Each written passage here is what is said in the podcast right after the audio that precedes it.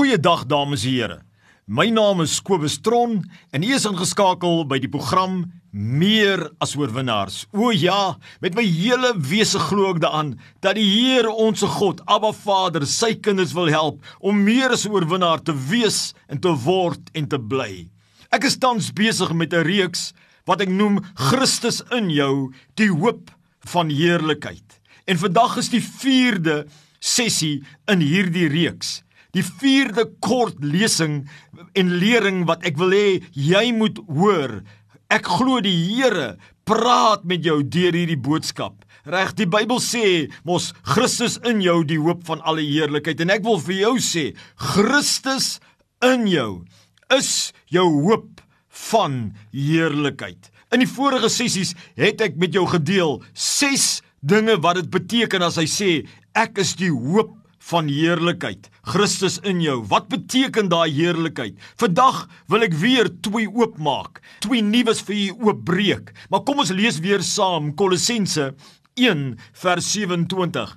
Christus in julle, die hoop van die heerlikheid. Engels sê hy Christ in you, the hope of glory. Christus in jou is die hoop. Die feit dat hy in jou is, is daar hoop vir sekere dinge. Maar wat is hierdie dinge wat die Bybel van praat? Reg vandag wil ek die sewende een vir u noem en die agste een.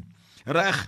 En ek wil hê jy moet aandagtig luister. Christus in jou, die hoop van heerlikheid beteken dat hy in jou is die hoop van gehoorsaamheid aan God se wonderlike en wyse wil en beginsels. My vriend, luister aandagtig. Hy in jou is die hoop dat jy God sal gehoorsaam. Hy in jou is die hoop dat jy sy wonderlike wil en wyse sal hoor en doen en uitvoer. Jy sê Kobus, wat bedoel jy? My vriend, jy is nie alleen nie. God verwag van jou gehoorsaamheid, maar sy Heilige Gees in jou is die hoop. Hy sal jou die krag gee. Hy sal jou lei. Hy sal jou die vermoë gee om te wil en te doen. Sê die Bybel dit nie? Sê die Bybel nie jy's tot alles in staat deur Christus wat jou die krag gee nie om hom te gehoorsaam insluitend? Sê die Bybel nie werk uit jou saligheid en vrees en bewering, want dis God wat in jou werk om te wil en te doen na sy welbehae. My vriend, dit is die hoop van heerlikheid. Dit is deel van die hoop van heerlikheid dat jy die hoop hy gaan jou help om gehoorsaam te wees. Hy gaan jou help deur sy groote genade wat in jou is. Vra hom net, kom gee my krag, Here. Kom openbaar u wil aan my, Here, en die Here sal as hy werklik in jou is, is hy in jou, my vriend? Is het jy hom aangeneem, my vriend? Het hy regtig deel geword van jou? Ek praat nie van nominale Christendom nie. Ek praat van die lewende Christus wat in jou kom woon het, die hoop van alle heerlikheid. Christus in jou is die hoop van gehoorsaamheid aan God se wonderlike wil, wys en beginsels. Mense, daar's niks beter as die Here se wil op aarde nie. Daar's niks wyser, niks meer goed, 'n goeie hart en ingesteldheid as God se wil, God se beginsels nie. En hy gee jou die krag. Jy het die hoop daarvan. Maar hoor gou hier, ek wil graag met jou die 8ste een deel vandag.